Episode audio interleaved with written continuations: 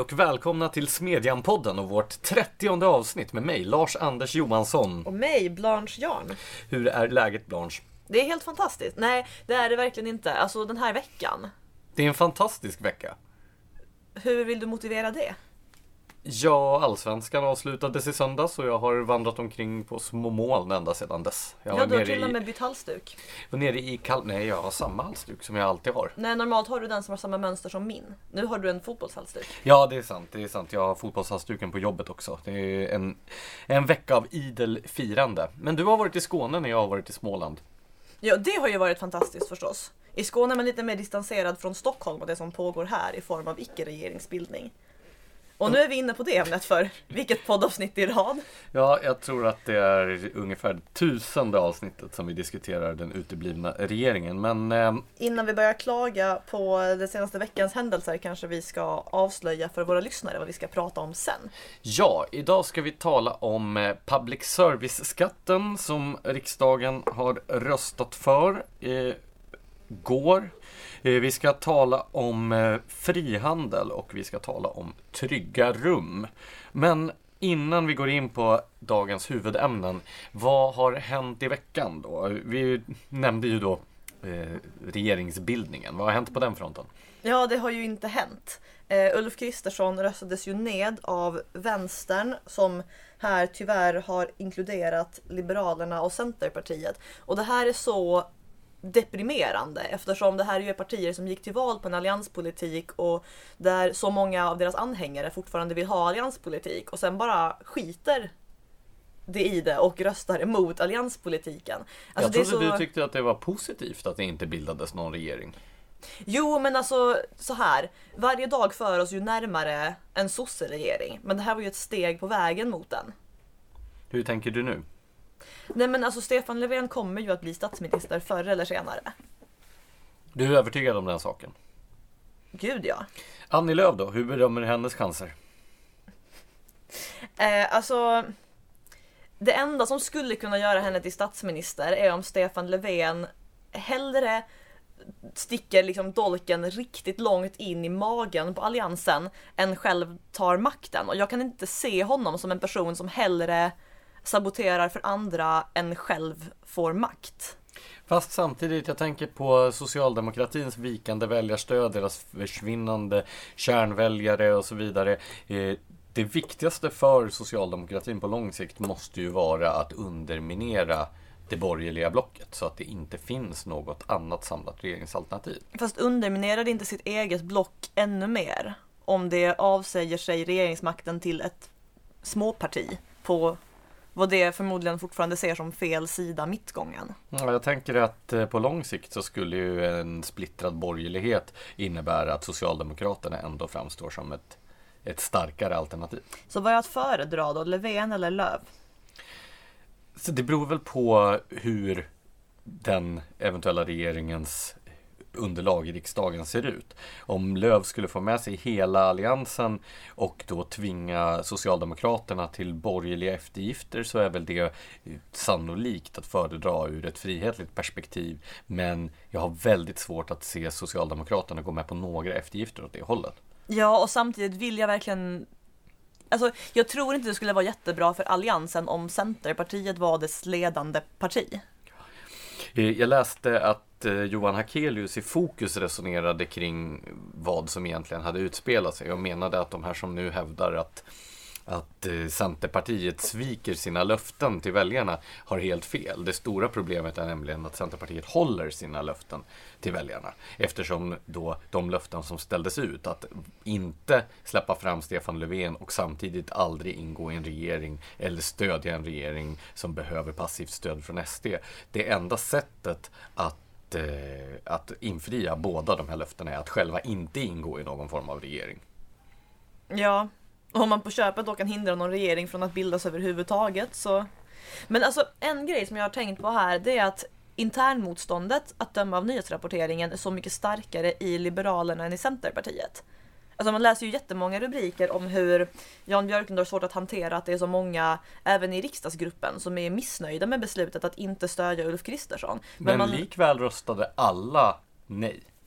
Ja, alltså om det bara hade kunnat finnas en enda Finn Bengtsson som bara Nope, jag tänker inte rösta emot det här.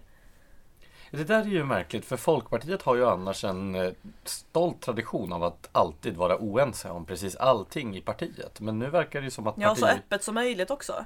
Ja, och nu viner partipiskan till och med hårdare än i S och M. Så vad är det som händer? Och framförallt, Björklund verkar ju häpnadsväckande nog hänga löst. Är det inte så? Som tongångarna Fast går. har inte han gjort det i ett decennium? Nej, Och för sen så det, gör han ändå inte det. det har aldrig funnits någon utmanare som har kunnat samla tillräckligt många bakom Fast, sig. fast finns det det nu? Nej, det kanske det inte gör i och för sig. Björklund är för evigt. Nej men han, alla hans motståndare blir ju förr eller senare ambassadörer utomlands och så, och så Du vet det här att befordra snett uppåt så det inte kan vara en konkurrent. Ja, han kommer väl att ta med sig partiet när han lämnar. Jo alltså det finns ju en påtaglig risk för det. Um, ska vi... eh, Så vad kommer att hända då Blanche? Har du tittat i din spåkula? ja nej men som sagt Stefan Löfven kommer att bli statsminister. Har vi enats om detta? oh ja.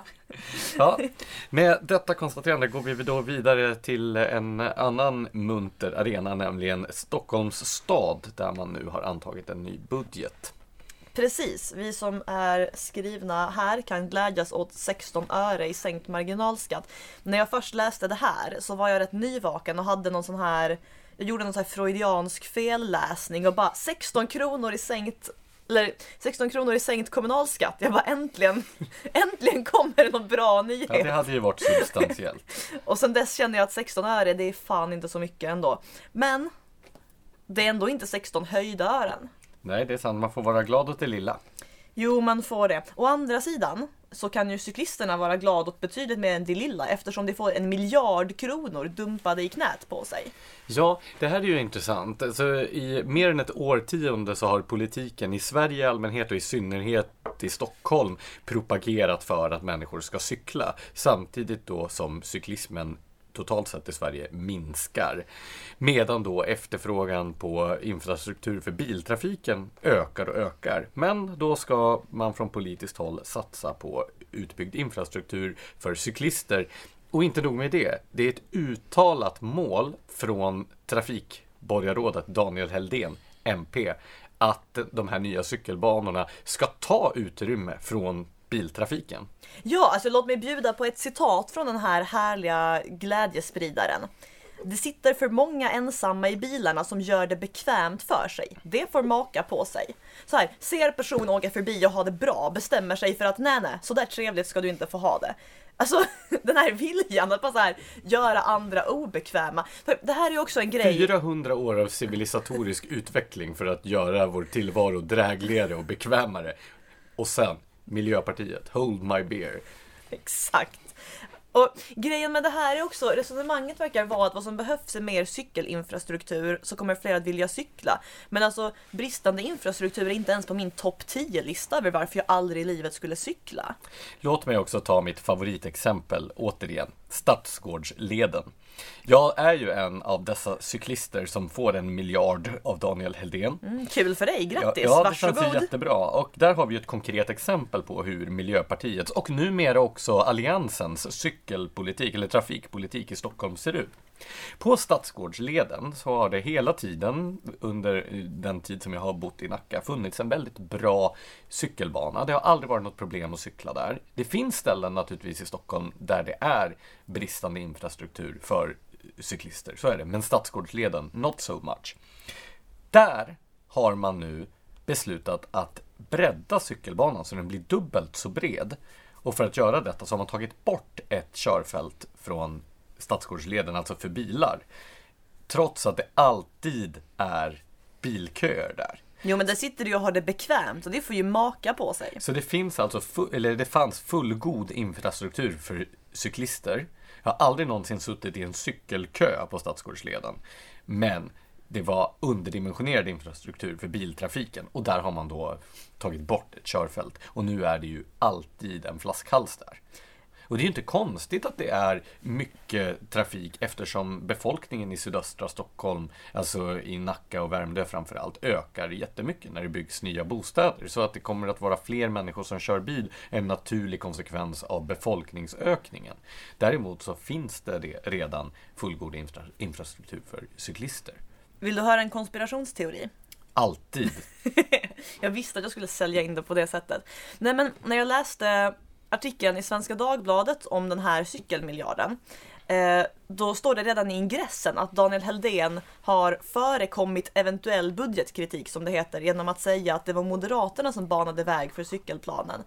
Och då tänker jag så här. Man blev ju ändå lite extra besviken när man fick reda på att eh, Alliansen skulle låta Daniel Heldén fortsätta vara trafikborgarråd. Men tänk om det här är en agenda som Alliansen egentligen själv vill driva och han bara sitter där för att få ta emot allt offentligt missnöje.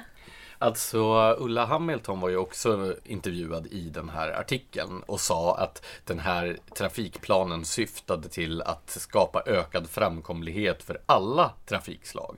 Samtidigt då som Heldén i samma artikel säger att det uttalade målet är att tränga undan biltrafiken.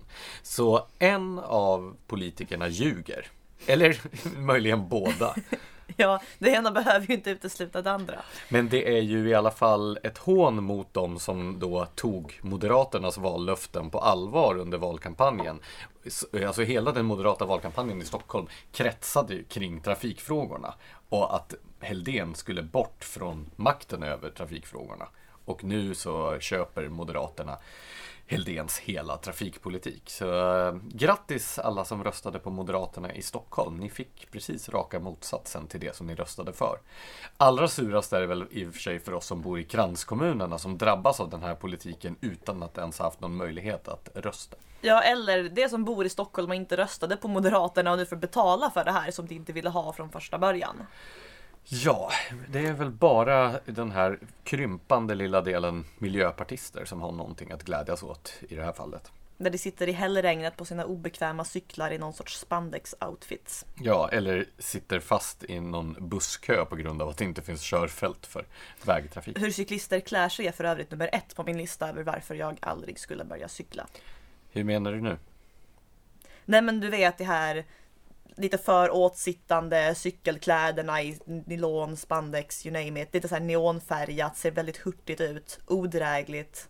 Jag vill inskärpa att jag aldrig har haft på mig en sån outfit. Vad vi vet. Så, hade vi några mer nyheter från veckan? Um, alltså någonting jag har läst en del om i veckan, det är skogsbränderna i Kalifornien som just nu hotar att sluka stora samhällen, eller många samhällen i alla fall. Ehm, det är tydligen en kontrovers kring privata brandmän där. Eftersom eh, framförallt det som har ett eh, stort fancy hus och en ordentlig försäkran på det har möjlighet att få så här, privata brandmän som kommer att skydda just deras hus. Och det här är många väldigt upprörda över eftersom det tydligen på något vis är antidemokratiskt att vissa ska ha en bättre chans att skydda sitt hem. Men på vilket sätt skiljer det här sig från privata vaktbolag till exempel eller så? Det här är ju kanske människor som också är emot privata vaktbolag, vem vet? Men det finns, det finns väl ingen debatt mot privata vaktbolag om någon hyr in väktare som vaktar sin, ens lyxvilla, eller? Fast det finns ju, och det har ju du också skrivit om, en viss skepsis mot det här, sådana här gated communities. Vilket ju är en form av att hyra in privata vaktbolag för att skydda sitt hem. Så det finns ju en sorts missnöje med att vissa tar till extra säkerhetsåtgärder i samhället för att skydda sig från olika saker. Men om vi återgår då till den här frågan om brandmännen. Finns det någon negativ konsekvens för andra människor om någon hyr in privata brandmän för att skydda sin bostad från skogsbränder? Ökar risken för andra människor att deras hem brinna ner? Försöker de här privata brandskyddsföretagen att styra skogsbränderna i riktning mot de som inte har betalat? Eller vad är, vad är det som är upprörande i det här? Nej men alltså andra borde ju egentligen vinna på det här. Dels för att de offentliga resurserna då kan gå till dem som inte har råd med sin egen brandbekämpning, vilket väl borde vara utmärkt både för skattebetalarna och för dem som då får mer av den offentliga kassan för det här. Eh, och dels Alltså nu är jag ju ingen expert på brandbekämpning men ju fler som hjälper till att bekämpa en brand oavsett var och kring vilket hus det gör det desto bättre är det väl för att hindra branden. Jag misstänker att det mest demokratiska då är den svenska modellen där vi då betalar jättemycket skatt och sen inte har någon räddningstjänst som kan rycka ut när det väl bryter ut skogsbränder. Så att frivilliga människor måste ta ledigt från jobbet och åka iväg och släcka bränder för att sen i efterhand bli förmånsbeskattade för att de har ställt upp frivilligt. Låt oss skicka en ambassadör till Kalifornien som rekommenderar detta. Nej men alltså det är väl det mest ruttna. Vi har ett av världens högsta skattetryck men vi har inte fungerande räddningstjänst och sen straffbeskattar vi de hjältar som rycker ut och kompenserar för att den offentliga sektorn inte levererar vad medborgarna betalat för. Ja, alltså ruttet är det enda adjektiv som verkligen fångar detta. Så, när vi ändå är inne på ruttna saker ska vi gå in på dagens första ämne. Public service-skatten. Den är riktigt rutten. Ja, alltså apropå konspirationsteorier. Känns det inte lite som att det var som en tanke att riksdagen skulle rösta om den här saken samma dag som statsministeromröstningen som då överskuggade allt annat i media? Ja, alltså medieskuggan över det här. Det har ju ändå lyckats tränga igenom en del eftersom det är väldigt många som är väldigt, väldigt missnöjda med det här. Men det hade ju fått otroligt mycket mer uppmärksamhet om det inte hade krockat med eh, omröstningen om Ulf Kristersson. Och alltså för att kan, vi kanske borde liksom förklara ordentligt för lyssnarna vad det här handlar om. Man har ju då omvandlat beslutat att omvandla licensavgiften till en progressiv skatt som kommer att drabba alla över 18 år. Och det här var samtliga riksdagspartier, om jag förstår det rätt, utom Sverigedemokraterna för. Och det här är så idiotiskt för att egentligen de flesta, alltså de flesta alliansväljare är jättenegativa till det här. Varför ger man Sverigedemokraterna det här gratis att vara det enda partiet som sätter sig emot den här skatten? Det är så dumt! Fast det har man väl gjort i massor med frågor tidigare också. Ja men det gör inte det här rimligare. Nej, det är, det är sant. Det var onekligen inte den samlade borgerlighetens stoltaste dag i onsdags när först två borgerliga partier röstade emot sin egen statsministerkandidat och sen samtliga borgerliga partier röstade för införandet av skattefinansierad public service. Nej, det var en, det var en röd dag. Ja, men om vi då ska vrida och vända på själva sakfrågan så alltså Fördelen med den här nya finansieringsmodellen är ju att den inte är lika hycklande som den tidigare finansieringsmodellen. För det här systemet med avgiften har ju fungerat som ett slags förevändning. Jag vet inte om du minns när, eh, när SVT firade sitt 50-årsjubileum så tryckte de upp en massa merchandise där det stod 50 år av fri television. Och så har man ju hållit på och försökt sprida den här myten om att public service-företagen skulle vara fristående från makten och så vidare. Men finns det någon som tror på det? Ja, de dyker upp i kommentarsfälten till våra artiklar med viss regelbundenhet. Nej, men alltså det finns en del godtrogna personer som har gått på det här och de sakerna som är argumenten då för att det skulle vara fri television, det är ju då eh, dels att det är Eh, Eh, stiftelseägt, det vill säga att det inte är ägt direkt av staten, men det är ju staten som äger stiftelsen. För det andra så är det ju regeringen som utser ägarstiftelsens styrelse och det är riksdagen som fastslår hur finansieringen ska se ut och hur stora anslagen ska vara och sådär. Så nej, det är inte fristående på något sätt. Men sen finns det ju också en föreställning hos de här godtrogna individerna som tror på 50 år av fri television och så vidare. Att då kommersiella intressen skulle vara otroligt partiska, gå in och detaljstyra innehållet i alla program och så, medan då politiska intressen aldrig skulle få för sig att styra programverksamheten i någon som helst riktning. Och det är ju med förlov sagt en otroligt naiv hållning. Ja, att vänta sig bättre saker av politiker än man väntar sig av vanliga människor. Det känns inte som att det finns jättemycket belägg för att politiker skulle vara bättre än vi andra.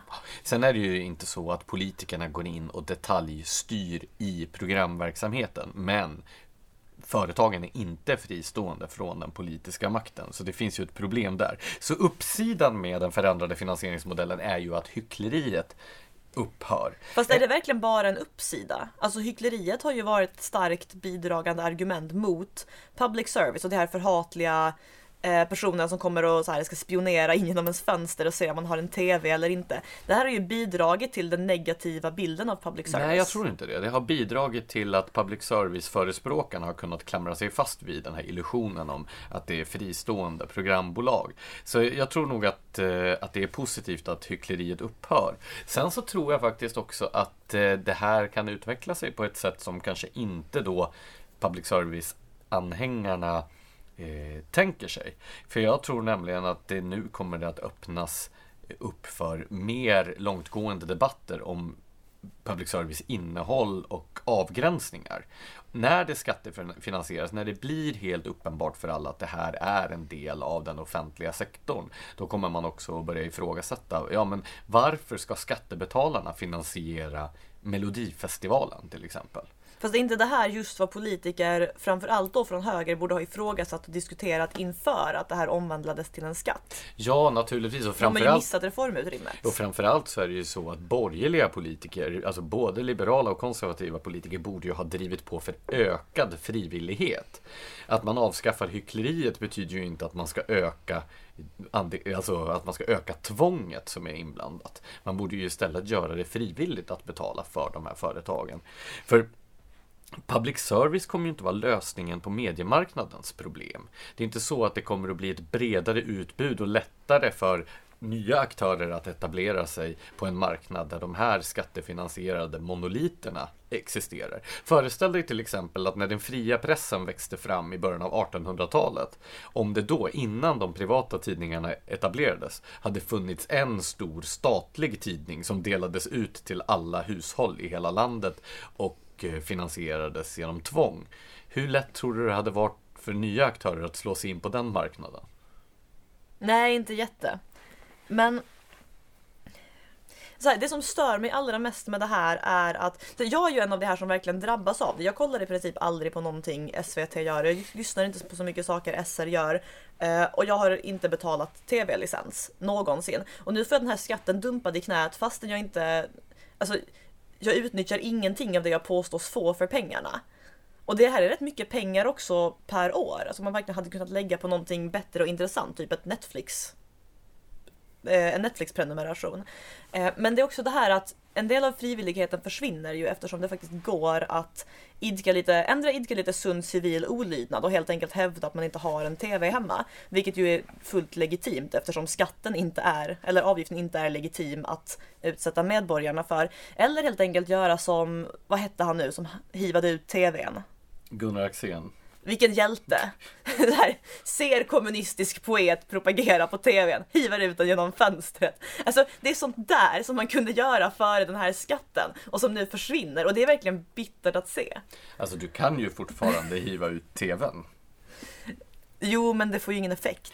Nej, men det här är väl då resonemanget är ju inte så att, du är en, att man som konsument ska betala för detta utan det här är ju precis som det när man motiverar eh, inskränkningar av äganderätten i grundlagen. Ett angeläget allmänt intresse.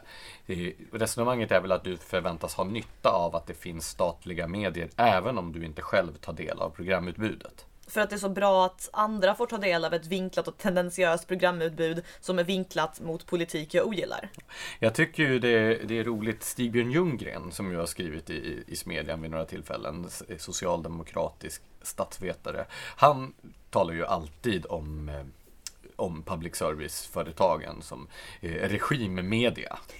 och är ju väldigt tydlig med att han menar att själva poängen med regimmedia är att den för ut maktens budskap. Fast då borde ju SVT bli högervridet när det är en alliansregering och jag har inte sett det hända. Fast det är inte så att eh, det finns värderingar i den offentliga sektorn, den offentliga förvaltningen som existerar över tid oavsett vad det är för färg på regeringen. Handen på hjärtat så kan ju enskilda regeringar påverka ganska lite, åtminstone åt det positiva hållet. Varför tror ja. du att det går så fort att höja skatten och tar så lång tid att sänka skatten till exempel? Jag räknade, i 16 samband, öre. jag räknade i samband med valet ut att det skulle ta 50 år av oavbrutet borgerligt styre att återställa skattetrycket till nivån som det var på 1950-talet. Fast då räknade du också säkert med att skatten skulle sänkas lika mycket för varje mandatperiod. Ja, när skatten sänktes mindre och mindre under alliansregeringen. Så att förmodligen skulle det ju stanna av helt och aldrig sänkas. Ja, så politiker oavsett färg blir lite grann gisslantagna av systemet. Så ju större det offentliga systemet är, desto svårare blir det också för politikerna att förändra det. Har vi några positiva saker att säga i anknytning till den här förändringen? Ja, som sagt, jag tror ju att vi kommer att få en mer intensiv debatt. Dels en debatt om public service vara eller inte vara. Ska vi ha statliga medier eller inte? Den debatten har ju varit i praktiken obefintlig i Sverige. Eh, den, och det andra det är att ja, men om vi då har public service så tror jag att vi kommer att få en mycket mer intensiv debatt kring innehållet och dess avgränsningar. Alltså, förtroendet för de här medieföretagen är fortfarande väldigt högt hos allmänheten, men det är på avtagande. Och när man pratar med personer som är starka anhängare av public service så framför de ofta som argument sådant som ligger långt bak i tiden. Alltså jag tror att förtroendet för public service-företagen handlar ganska mycket om ackumulerat förtroendekapital över tid. Alltså att man förknippar det här med vad som producerades för 10, 15, 20 år sedan snarare än hur utbudet ser ut idag. Så jag tror att det kan gå ganska fort. Och det är ju också ett problem för public service-företagen att förtroendet ser så olika ut bland eh, olika grupper, olika väljargrupper. Där då miljöpartister har oerhört stort förtroende för eh, public service medan Sverigedemokrater som är den andra ytterligheten har oerhört lågt. Och generellt kan man säga då att de borgerliga har betydligt lägre förtroende för public service än vad eh, de rödgröna gör. Och det här skulle ju då rent hypotetiskt kunna bero på att kanske public service förmedlar åsikter som ligger närmare rödgröna väljares Rent hypotetiskt. Men om det är så eller inte, det får vi aldrig veta. För sl- eh, opartiskheten och sakligheten i public service-företagen utvärderas nämligen inte av någon instans alls. Inte av företagen själva och inte av någon extern myndighet. Granskningsnämnden för radio och tv till exempel, som public service-företagen själva hänvisar till när den här debatten kommer upp, har inte i uppdrag att granska saklighet och opartiskhet över tid. Det här låter som ett vattentätt system. Eller hur? De kan helt enkelt vara hur tendentiösa som helst och behöver aldrig någonsin redovisa att de inte är det. Det här problemet kommer ju per automatik när man har tvångsfinansierade medier. I England, där, alltså i Storbritannien, där BBC har utgjort förebild för svenska public service-företag under lång tid, eller ja, egentligen ända sedan SVT grundades. Där fanns det kritik mot partiskhet och osaklighet. Och då gjorde man en utredning i början på 2000-talet som presenterade sitt slutbetänkande 2007 som kom fram till just att det fanns en ideologisk slagsida i programutbudet. Och den här utredningen ledde till att man gjorde ganska stora förändringar i sina rutiner som ledde till då att man förhoppningsvis blev mindre partiska i, i programutbudet. Men något sånt här har ju aldrig genomförts i Sverige. Men för att återknyta till det här med utbudet. Vad är det största problemet med det svenska public service utbud idag? Så en sak som jag tycker ofta missas i debatten kring slag, ideologisk slagsida och osaklighet och sådär. Det är en lärdom från den här brittiska utredningen. Det de kom fram till där var att det var egentligen inte i politik och samhällsprogrammen och i nyhetsrapporteringen där den här politiska slagsidan var som mest påtaglig. Utan det var i det övriga programutbudet. Där det då var, eh, ja men i kultur och underhållningsprogrammen så var det profilerade personer med vissa åsikter som var helt överrepresenterade hela tiden. Eh, det var när det köptes in dokumentärfilmer eller eh, på annat sätt presenterades olika typer av eh, verklighetsbeskrivningar så var det hela tiden från ett och samma håll. Och det där kan man väl se också i i eh, de svenska public service-företagen att där man bemödar sig mest om att faktiskt försöka vara opartiska, det är ju just på de redaktioner som sysslar med politik. Medan till exempel stora delar av P3s program, programutbud har en tydlig politisk tendens. Men det är inte politiska program. Det är inte liksom att de rapporterar nyhetsmässigt om eh, valet och så vidare. Och Men därför det- flyger det under radarn. Men är inte det här precis som hur svenska dags och kvällstidningar fungerar? Att det är ofta hyfsat balanserade på nyhetsplats och sen kommer man till kultursidorna och så är det mörkrött. Ja, fast jag skulle nog säga att public service generellt sett är bättre när det kommer just till nyhetsrapporteringen men sämre när det gäller allting annat. Och sen kan man ju också säga så här, jag menar de privata mediehusen måste ju få agera så som de Eh, efter eget gottfinnande. Där är det ju då eh, andra medier och deras eh, läsare eller tittare eller lyssnare som får fälla avgörandet. Men när det kommer till public service, då har ju faktiskt medborgarna som tvingas finansiera detta också rätt att ställa krav på just saklighet och opartiskhet. Men alltså jag kan inte fatta varför de borgerliga partierna lät sig själva gå miste om reformutrymmet som kom med omvandlingen av licensavgiften till en skatt. När det finns så mycket att åtgärda. Alltså varför släppte man det här så lätt? Ja, men jag tror att vi återigen är inne på detta med eftersläpningen. Public service har ju länge varit en helig ko i den svenska debatten. Och det har, att ifrågasätta eh, innehållet i public service, alltså om man är politiker och ifrågasätter innehållet så framstår man som att man vill utöva någon slags ministerstyre. Och dessutom så eftersom public service har haft ett så otroligt stort förtroende hos allmänheten också så har det varit lite att skjuta sig själv i foten opinionsmässigt. Att eh, ifrågasätta det. Men jag tror att det här håller på att förändras och jag tror att det var feltänkt av de borgerliga partierna att ducka den här frågan nu. Tror du förtroendet kommer öka eller sjunka för public service i och med att vi får en skatt? Jag tror inte att finansieringsmodellen kommer att påverka förtroendet för programutbudet. Däremot så tror jag att finansieringsmodellen kommer att göra frågan om eh, ja, innehåll och avgränsningar mycket mer akut i debatten. Ja, det blir ju svårare att tänka att det här inte angår mig när man blir tvungen att betala för det även om man inte ens har en TV. Ja, så eh, jag tror vi kommer att få anledning att återkomma till public service-frågorna både i Smedjan och i Smedjan-podden framöver. Och det ser vi fram emot, men nu lite frihandel. Ja, det här är ju ett ämne som vi också kommer att få anledning att återkomma till framöver. Men vi har ju redan, redan publicerat ett antal texter om eh, på frihandelstemat nu den senaste tiden. Bland annat en som Nima Sanandaji skrev om handelskrig. Vad finns att säga om den, Blanche? Alltså, det är en väldigt intressant text och det här är en fråga som jag tror många upplever inte är särskilt given för den som är liberalkonservativ att förhålla sig till. Alltså idén bakom, eh, framförallt handlar texten egentligen om ekonomiska sanktioner men det är ju en form av handelskrig. Idén bakom det är ju att man ska liksom strypa pengaflödet till regimer man vill påverka i en viss riktning en form av soft power. Problemet är ju bara att man samtidigt dels skadar sig själv eftersom alltså handel går ju åt båda hållen och man stryper sin egen handel när man stryper någon annans handel med en själv.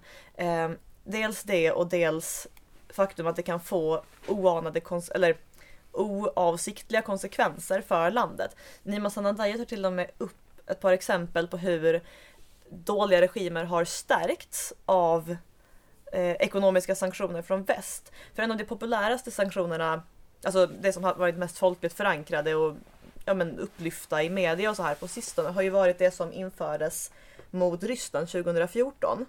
Och eh, redan ett år senare så visade en studie att det har gjort Putin mer populär.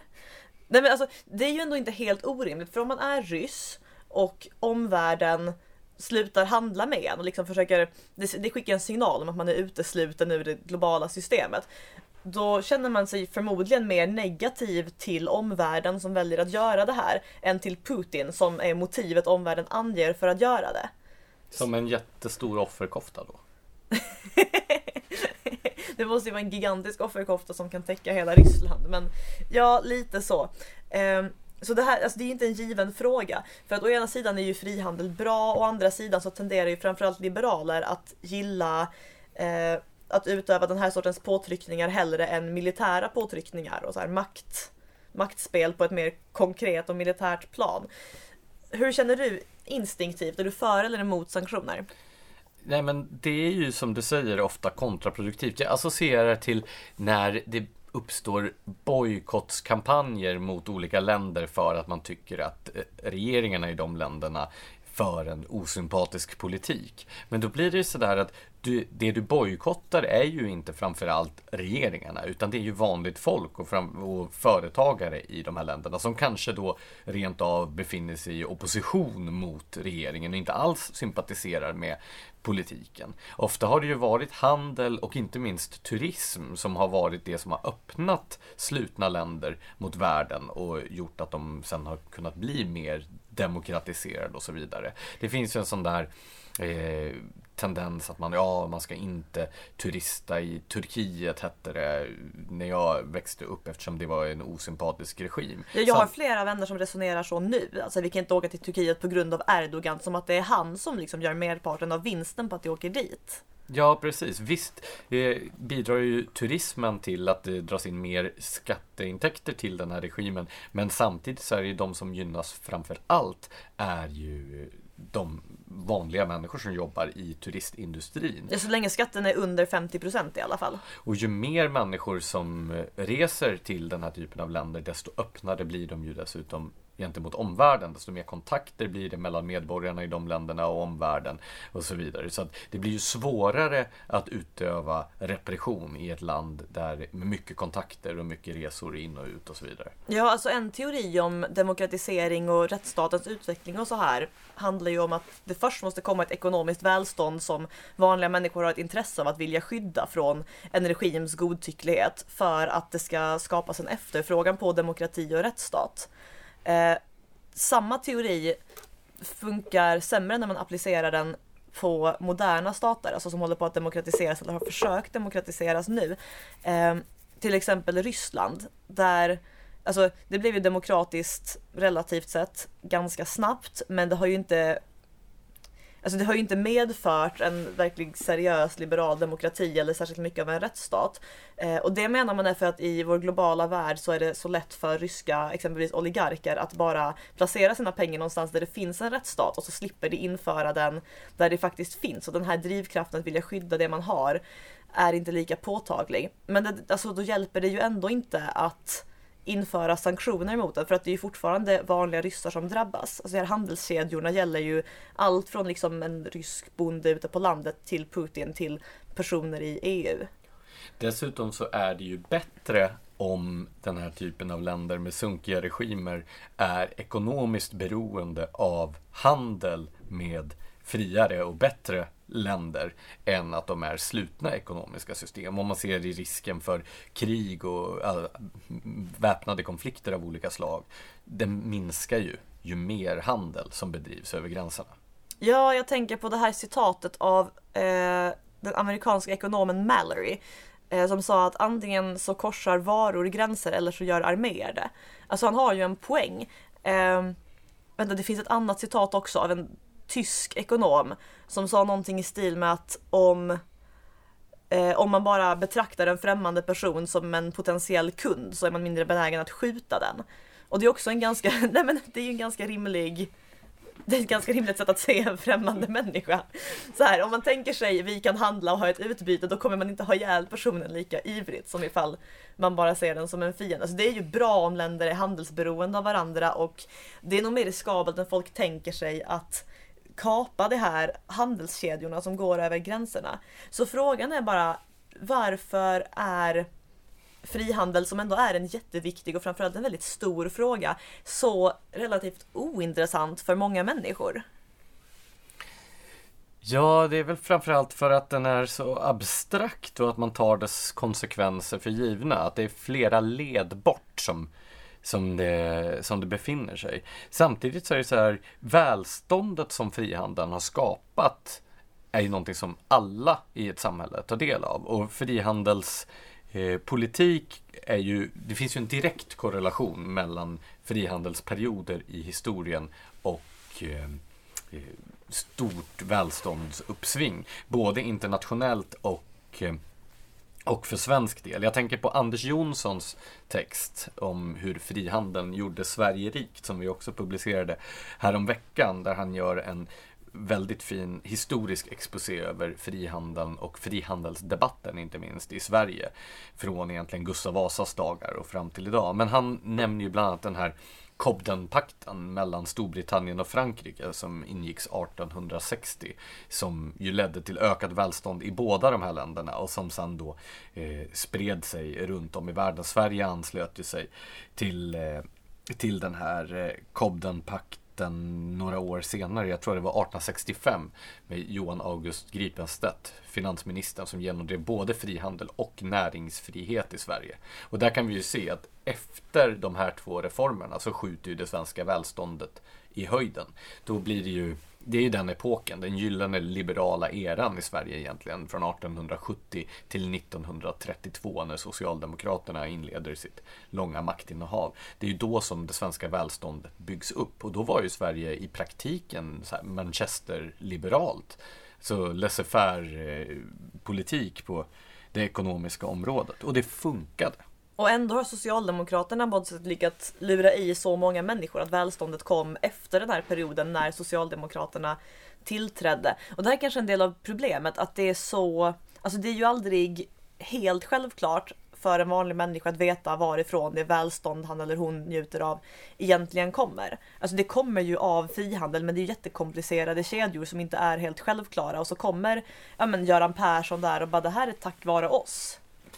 Ja, där skulle jag vilja rekommendera Fredrik Segerfeldt har skrivit en liten bok som är en väldigt fin introduktion till socialdemokratins lögnaktiga historieskrivning. Den heter Sosse-Sverige och som sammanfattar just detta, skillnaden mellan den svenska välståndsutvecklingen och hur Socialdemokraterna har beskrivit den svenska välståndsutvecklingen. Så den tycker jag att har ni inte läst den så ska ni försöka få händerna på den. Ja, det är en väldigt bra guide till en av de kanske framgångsrikaste PR-kupperna någonsin.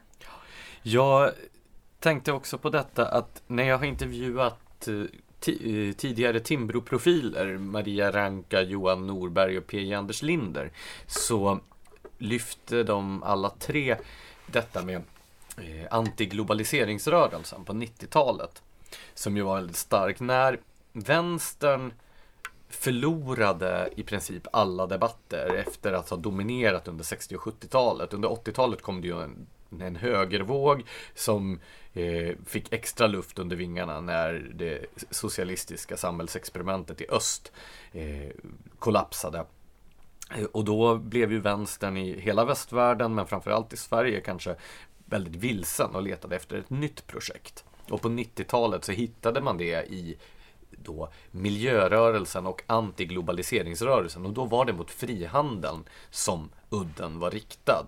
Det var den här franska rörelsen som också spred sig till Sverige som hette Attack med eh, Amerika America Vera Savala i spetsen i Sverige som protesterade mot frihandel.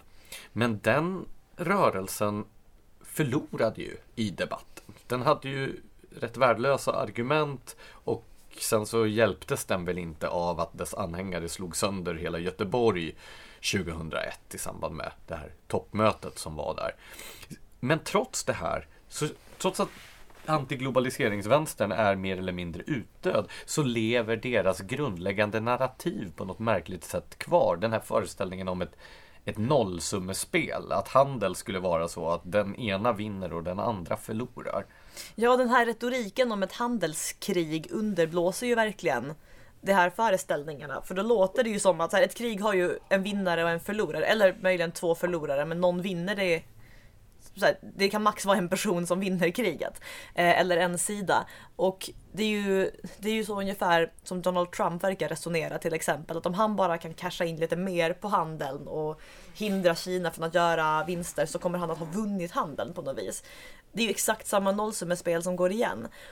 Fast där har det väl handlat, jag tänker på detta med eh, som ståltullarna gentemot Europa och sådär, så handlar det väl om att gynna specifika branscher, alltså arbetstillfällen i specifika branscher.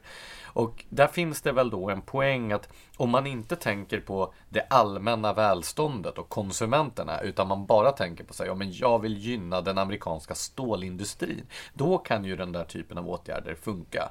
Även om alla naturligtvis förlorar på att det allmänna välståndet inte ökar så kan man ju genom den här typen av åtgärder gynna specifika branschintressen. Det låter ju fortfarande väldigt dåligt, men jag förstår hur du menar. Absolut, men det var ju då som EU tänkte att haha, då straffar vi det här genom att införa ännu mer specifika motåtgärder. Så strafftullar på Harley Davidson motorcyklar och vad var det, Gibson-gitarrer. Alltså det var ju sådär extremt riktade strafftullar. Vilket ju också är konstigt eftersom man då pekar ut enskilda företag som man straffar för presidentens politik. Det är Varför ju... att det råkar vara amerikanska liksom? Det är väldigt ogint. Ja, så här, tunga symbolfrågor. Men vad har de här stackars företagarna gjort? Var det Harley Davidsons fel att eh, Trump införde ståltullar? Vi vet inte, men förhoppningsvis inte. Varför är det alltid så att om någon gör något idiotiskt så måste någon annan göra något ännu mer idiotiskt? Det kanske är en sorts så här välvilja, att man bara nej men jag vill inte att du ska se dum ut så låt mig göra någonting ännu dummare. Men alltså om vi kan återgå till det här Göteborgskravallen och attackrörelsen. Jag får intrycket av att det var då, alltså när motståndarna till frihandel betedde sig som värst och var som mest högljudda och orimliga, som frihandeln var som mest förankrad och högst upp i ja, men, högst upp i liksom, listan över intressanta saker för det, den som är för frihandel också. Alltså är det här en av de här jättemånga frågorna som folk inte bryr sig om förrän det blir dåligt nog och de upplever att hotet är tillräckligt stort och sen så fort det blir lite bättre så slutar man bry sig. Ja, eller så är det väl det att det saknas framträdande debattörer. Då var det ju så att den här attackrörelsen och andra eh, satte ju detta på dagordningen eftersom de gjorde det till sin profilfråga. Och Eh, Timbro och andra på den marknadsliberala sidan var ju då tvungna att möta det. Så att det, konflikten i sig gjorde ju att det staplades argument på, på båda sidor. Medan idag så är väl inte konflikten, konfliktlinjen lika tydlig. Dessutom så är det ju inte längre en höger eller höger-vänster-fråga på samma sätt. I och med att då Donald Trump, som i många avseenden befinner sig till höger på den politiska skalan, ändå driver en protektionistisk ekonomisk politik. Och det tror jag gör att det blir svårare att formera sig enligt de, efter de gamla stridslinjerna. Så att säga. Ja, alltså förvirringen när man här i Sverige hör socialdemokrater tala om värdet av en så liberal världsordning och frihandel. Någonting har ju förflyttats här. Jag funderar också på om detta med EU-samarbetet som ju uppstod i mångt och mycket som en frihandelszon, den inre marknaden och så vidare, att det gör att det här blir mycket mer komplicerat ideologiskt. För EU är ju både en organisation för frihandel och en organisation mot frihandel.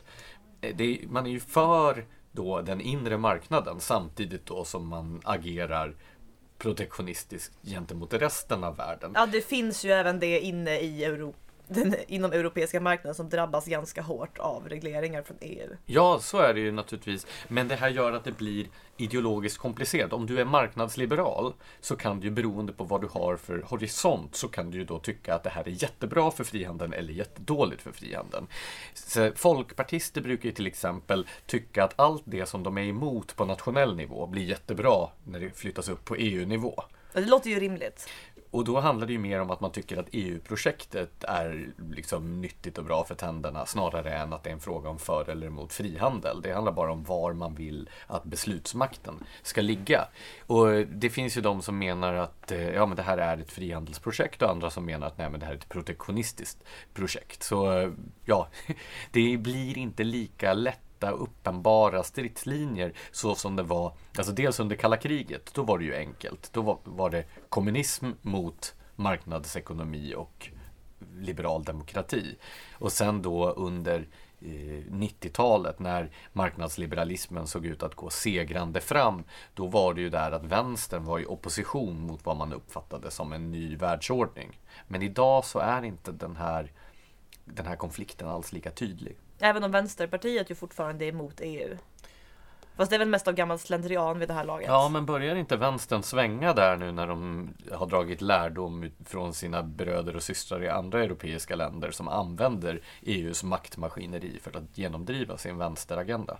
Jo, det är förstås mycket möjligt. Vem är det som har myntat det här begreppet om att en organisation som inte är uttalat höger alltid förr eller senare kommer att bli vänster? Alltså jag har sett det tillskrivas en av Margaret Thatchers talskrivare, men jag är inte säker på om det var han eller om han plockade upp det från någon annan. Men det finns ju verkligen en poäng i det. Alltså makt föder maktbegär liksom. Och ju mäktigare en organisation växer sig desto mer kontroll vill den ju såklart ta över. Sorgligt men sant. Med detta bistra konstaterande kanske vi ska söka oss in till vårt trygga rum. Jag trodde vi redan satt där. Så du har skrivit en text om eh, att i trygga rum kan ingen höra dig skrika. Fantastisk rubrik Blanche, men vad menar du egentligen? Tack.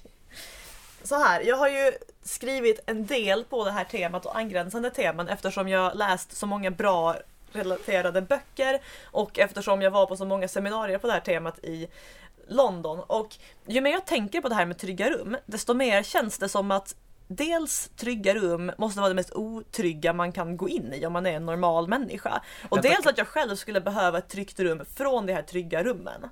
Kan vi backa bandet lite så att du för våra nya lyssnare kan förklara vad är ett tryggt rum egentligen? Det låter ju väldigt mysigt. Tycker du verkligen det? Det är ett rum och det är tryggt. Okej.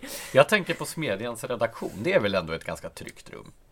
Alltså, jag tror att Smedjans redaktion skulle definieras som ett jätteotryggt rum utifrån det här. Nej, så illa är det väl inte. Men, Men, förklara nu, vad menas med tryggt? Var, varifrån kommer begreppet? Vem myntade begreppet?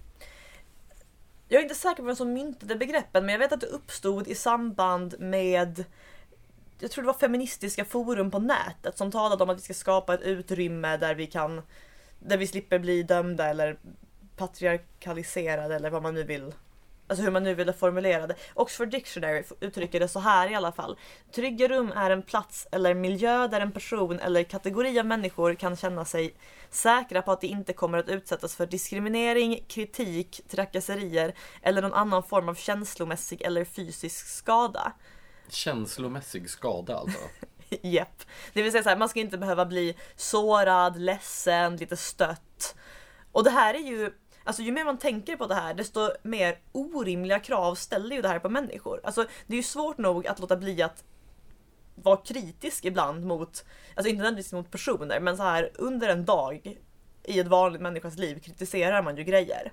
Man säger också grejer som någon skulle kunna bli stött av eftersom den saken inte existerar, som inte kan kränka någon. Jag tänker så här, vi då som jobbar på en redaktion, vi ger ju varandra återkoppling på varandras texter hela tiden och ibland så kan den ju vara ganska Emotionellt rättfram. skadlig. Ja, det är det jag menar. Skulle, skulle den här typen av feedback få äga rum i ett tryggt rum? Alltså gud nej! Utan att avslöja för mycket om jargongen här.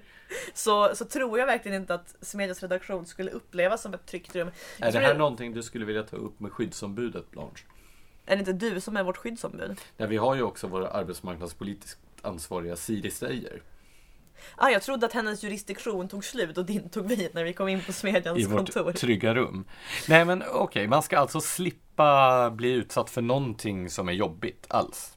Ja, precis. Och grejen är, jag har också Vänta, vad, noterat... vad har det här med feminism att göra? Ja, men feminister var väl det originalkränkta, tänker jag. Så enligt dessa feminister så är kvinnor särskilt känsliga för den här typen av företeelser. Det skulle de nog inte själva formulera på det sättet. Eh, Men eh, det här andra begreppet trigger warnings uppkom i samma sammanhang. Att man på det här forumen skulle skriva en liten varning om man pratade om någonting som skulle kunna kopplas till någonting som varit traumatiskt för någon. Vad skulle det kunna vara för saker till exempel? Ja men typ så här. jag kommer nu att nämna sexuellt våld. Så om du inte kan hantera att läsa om det så borde du sluta läsa. Alltså den sortens. Men du hade ännu mer absurda exempel i, i din text. Ja, men det är för att det här har ju börjat alltså, begreppsmässigt expandera bortom all rimlighet. Jag kom att tänka på det här när jag läste i BBC att studentkåren vid eh, Kent University, alltså ett brittiskt universitet, eh, hade lanserat en lista inför halloween på saker man inte skulle klä ut sig till eftersom det hotar andras rätt till ett tryggt rum. Så nu handlar det inte längre om vad man får säga utan också om att man inte får komma klädd som en cowboy, indian, präst, mexikan. Vänta ett ögonblick, man får inte vara utklädd till en präst? Nej! Okej. Hur, Ehm. hur går resonemanget där? Ja, det specificerades inte, men jag kan tänka mig att någon skulle kunna tänka sig präst, ehm, skandaler i katolska kyrkan, våldtäkter mot barn och sen bli traumatiserad. Jaha, jag, jag som i min enfald tänkte att det var kristna då som skulle bli kränkta över att man förlöjligade deras präster. Jag tror inte... Nej, vissa kristna är ju alltid onda enligt de här Där föll den ner. maktanalyserna. Däremot så var det väldigt tydligt att man inte fick klä ut sig till profeten Muhammed. Fred vare med honom. Och det är för att han var ond, eller för att han var god, eller för att... Alltså han nämndes under rubriken saker anknutna till historiska händelser som vanärar någons härkomst på ett nedsättande vis. Till exempel korstågen, IS-terrorister eller profeten Muhammed. Så sammanhanget är ju jätteoklart här i det att jag inte tänker att profeten Muhammed och IS-terrorister normalt är vad som man brukar bunta ihop. Men det kanske skulle vara enklare om de presenterade en lista över vad man får klä ut sig till. Med gulliga djur. Jag tänkte, En när- pumpa. när jag var liten så hade jag en Davy Crockett-kostym. Hade jag fått ha den? Nej men det tror jag inte. Okej. Den var en väldigt fin Davy Crockett-kostym.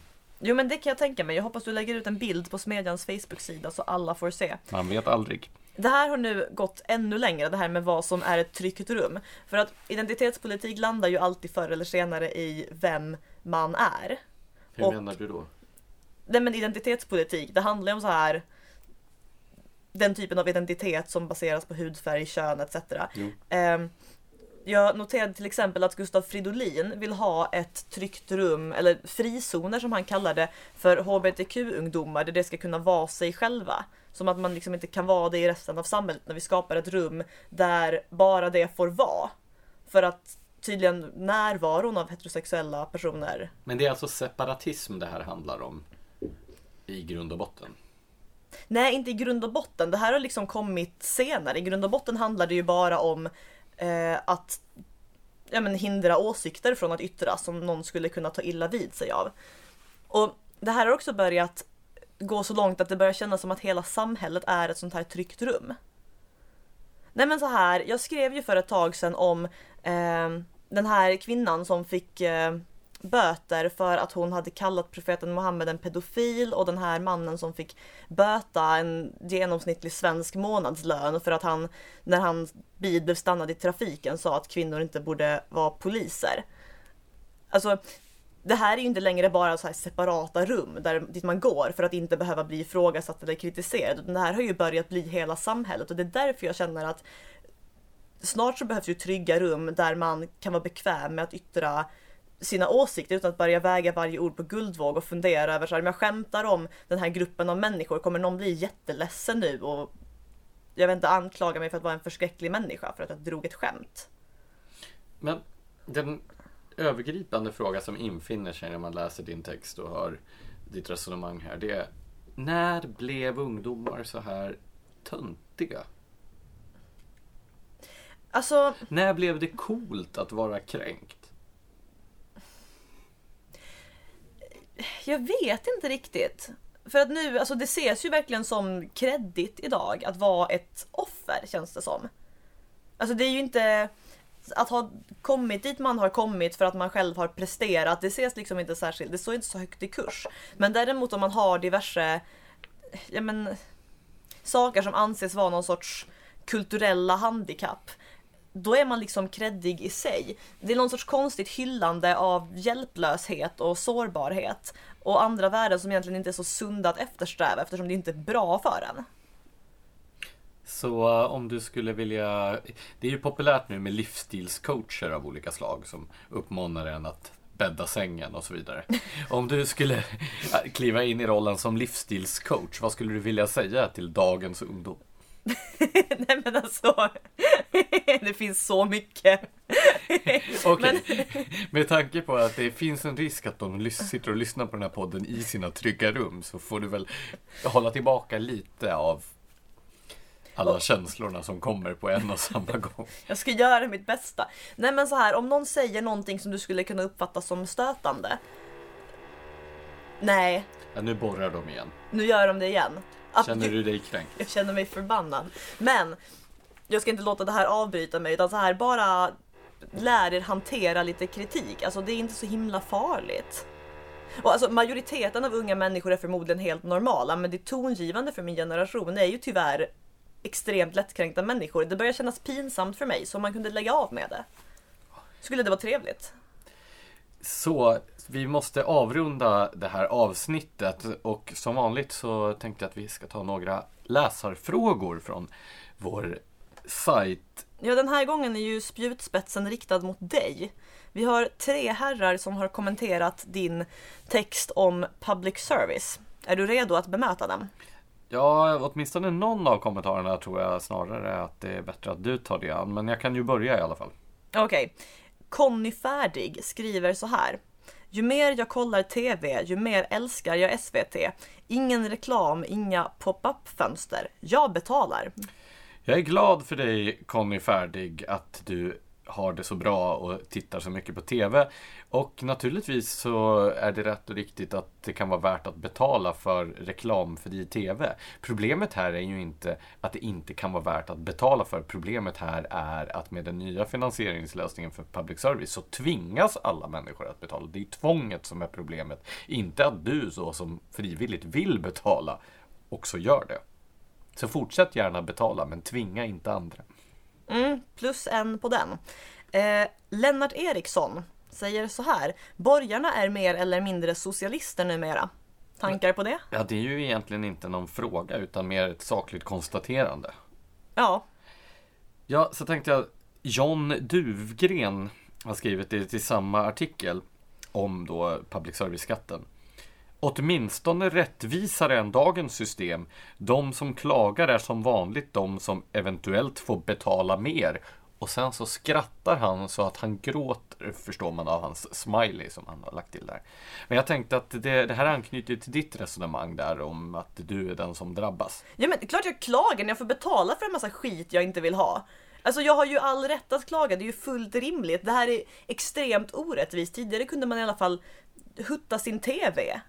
Så det är för dig en plånboksfråga och inte en principiell fråga? Var går egentligen gränsen när min princip är att få ha min plånbok i fred? Helt rätt. Plånboksfrågor är principiella frågor. Så John Duvgren, nej, det här är inte alls rättvisare än dagens system. Och sådana här emoji som skrattar så det gråter är väldigt sällan rimliga att använda eftersom man normalt inte skrattar så mycket att man gråter när man läser det som är skrivet. Emojis som skrattar så att de gråter bör användas med urskiljning. Och med de orden önskar Smedjan er en trevlig fortsatt vecka.